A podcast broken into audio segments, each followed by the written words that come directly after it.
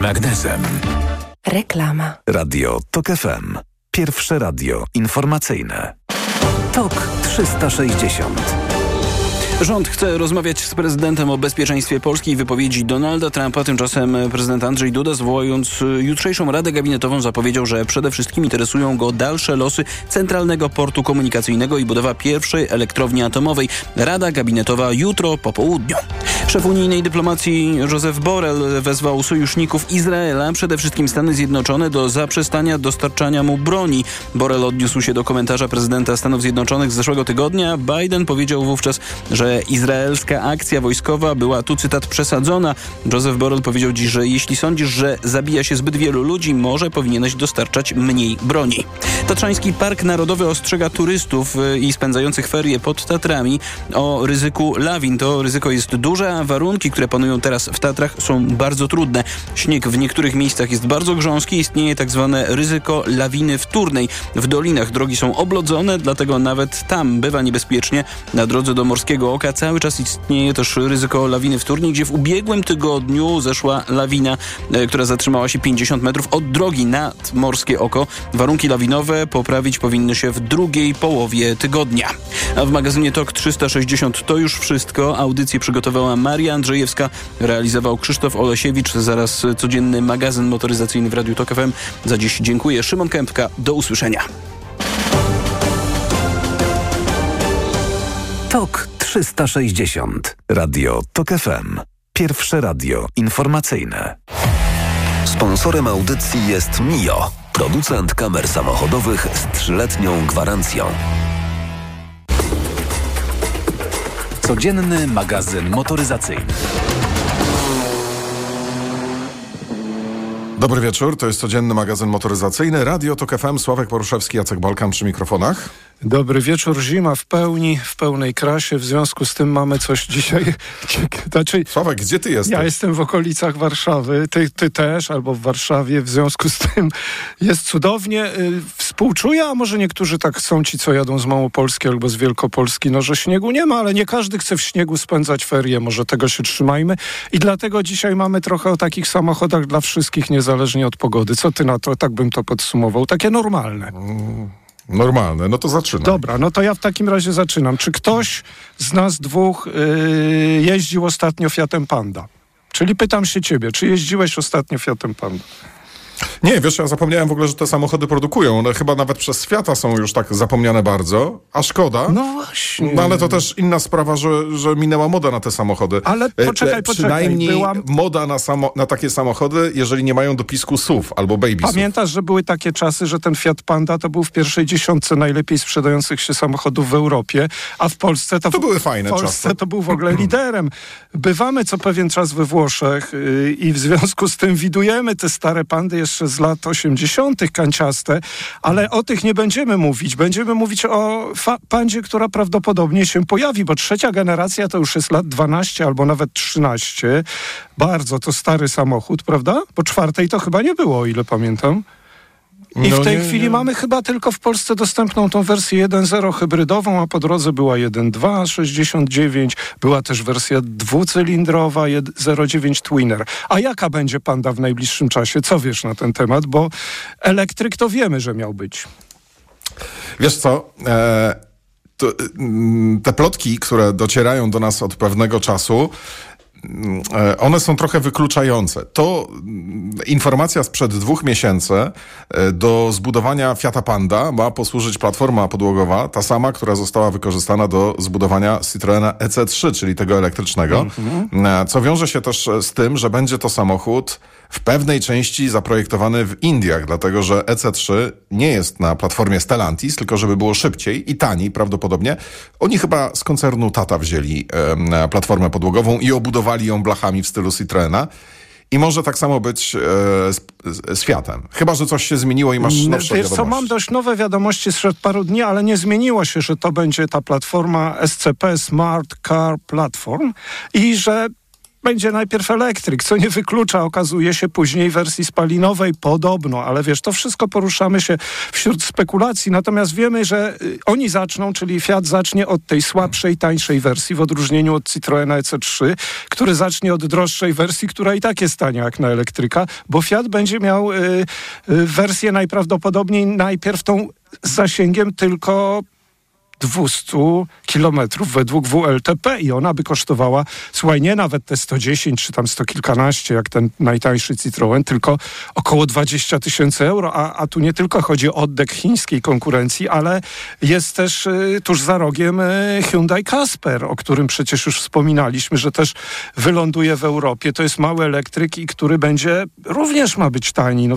widziałeś te wizualizacje pandy? Tak, e, i jeżeli, znaczy, odniosę się tak. może szybko najpierw do tej, e, do tej pandy. Znaczy, powiem ci, że samochód z zasięgiem 200 km jest nam niepotrzebny.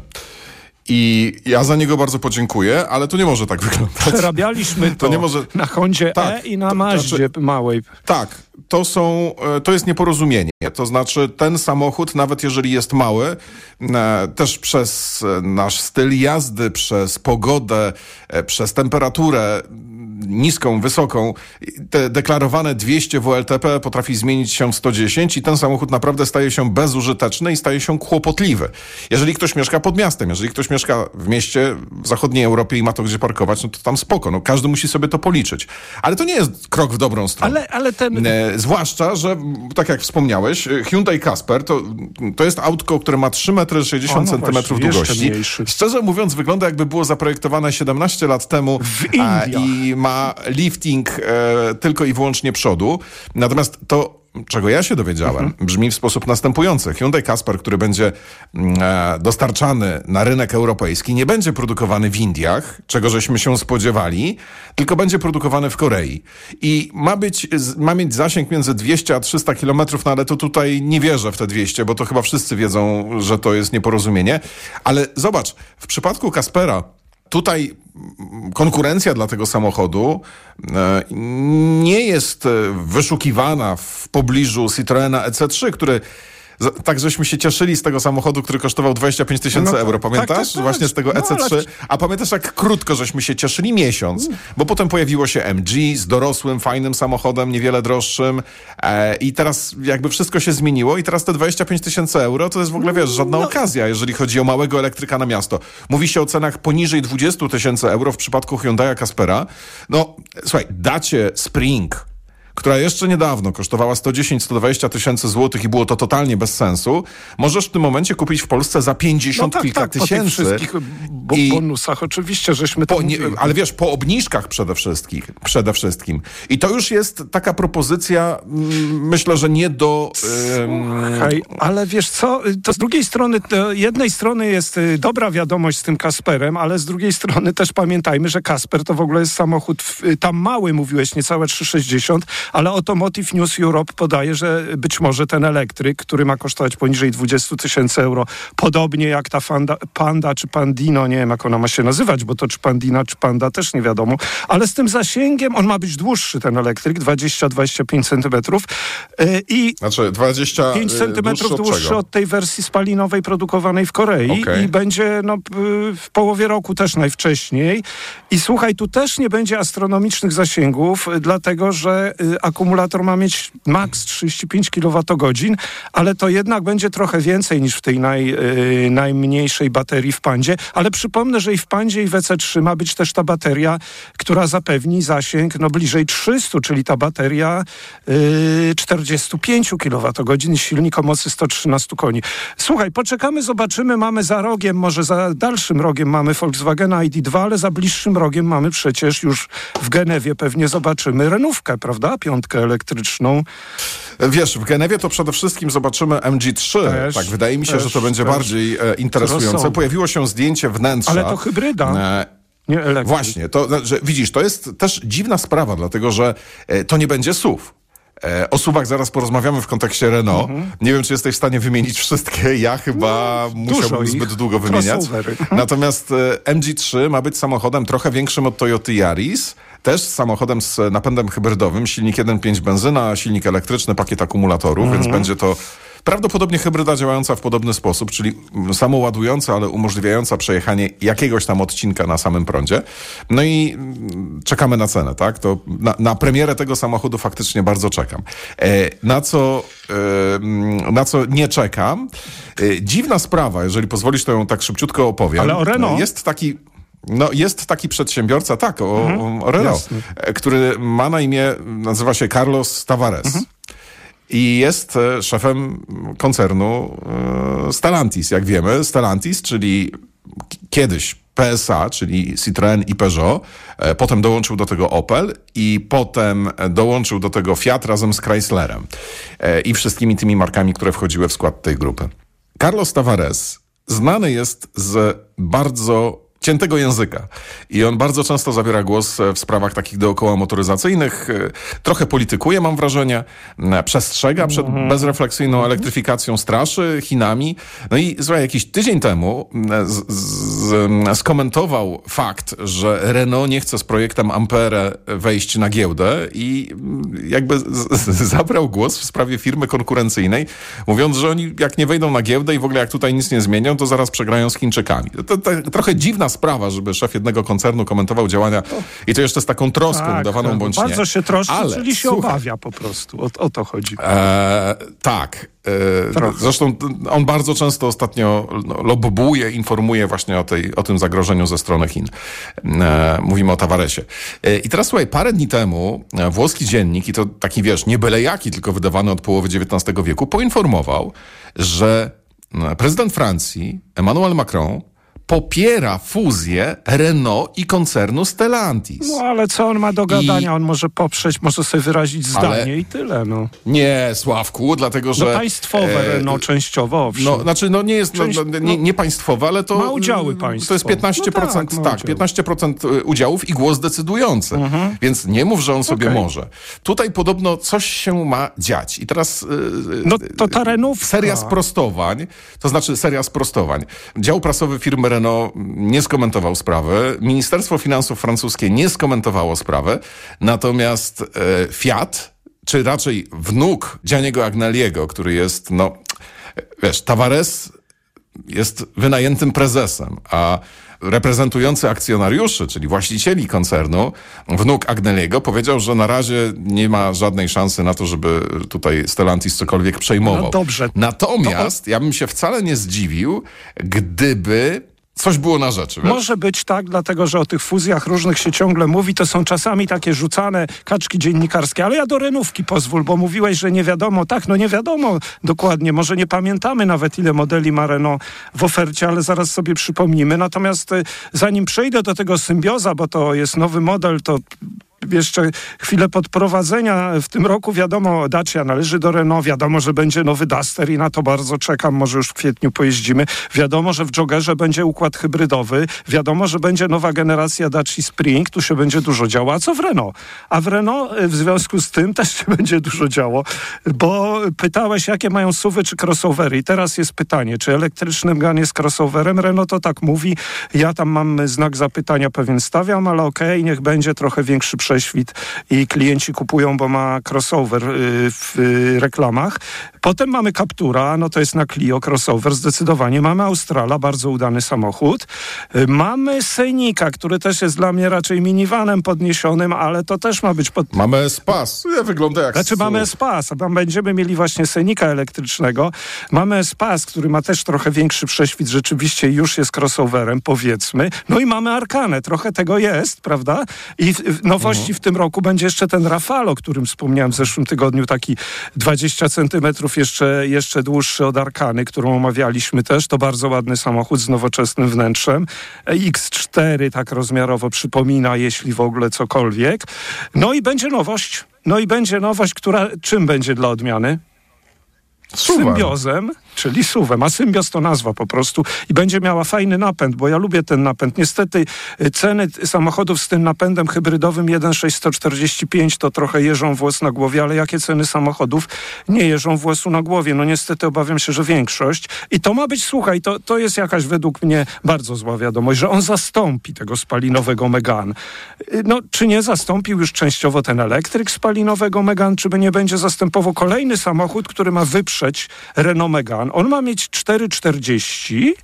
E, wiadomo, że już wiemy, no bo znamy rozmiary. Krótszy od Australa, krótszy od Arkana o kilkanaście centymetrów, dłuższy minimalnie od tego elektrycznego Megan. No i od Senika też jest krótszy. Słuchaj, co sądzisz o tym symbiozie? Bo niewiele, niewiele wiemy oprócz tego, jaki ma silnik, co, jaki Słuchaj, rozmiar. e, ludzie się już niedługo poła- e, pogubią. pogubią w tych, e, w tych suwach Renault. Musimy kończyć. Kłaniamy się pięknie. To był codzienny magazyn motoryzacyjny. Do usłyszenia już jutro. Codzienny magazyn motoryzacyjny.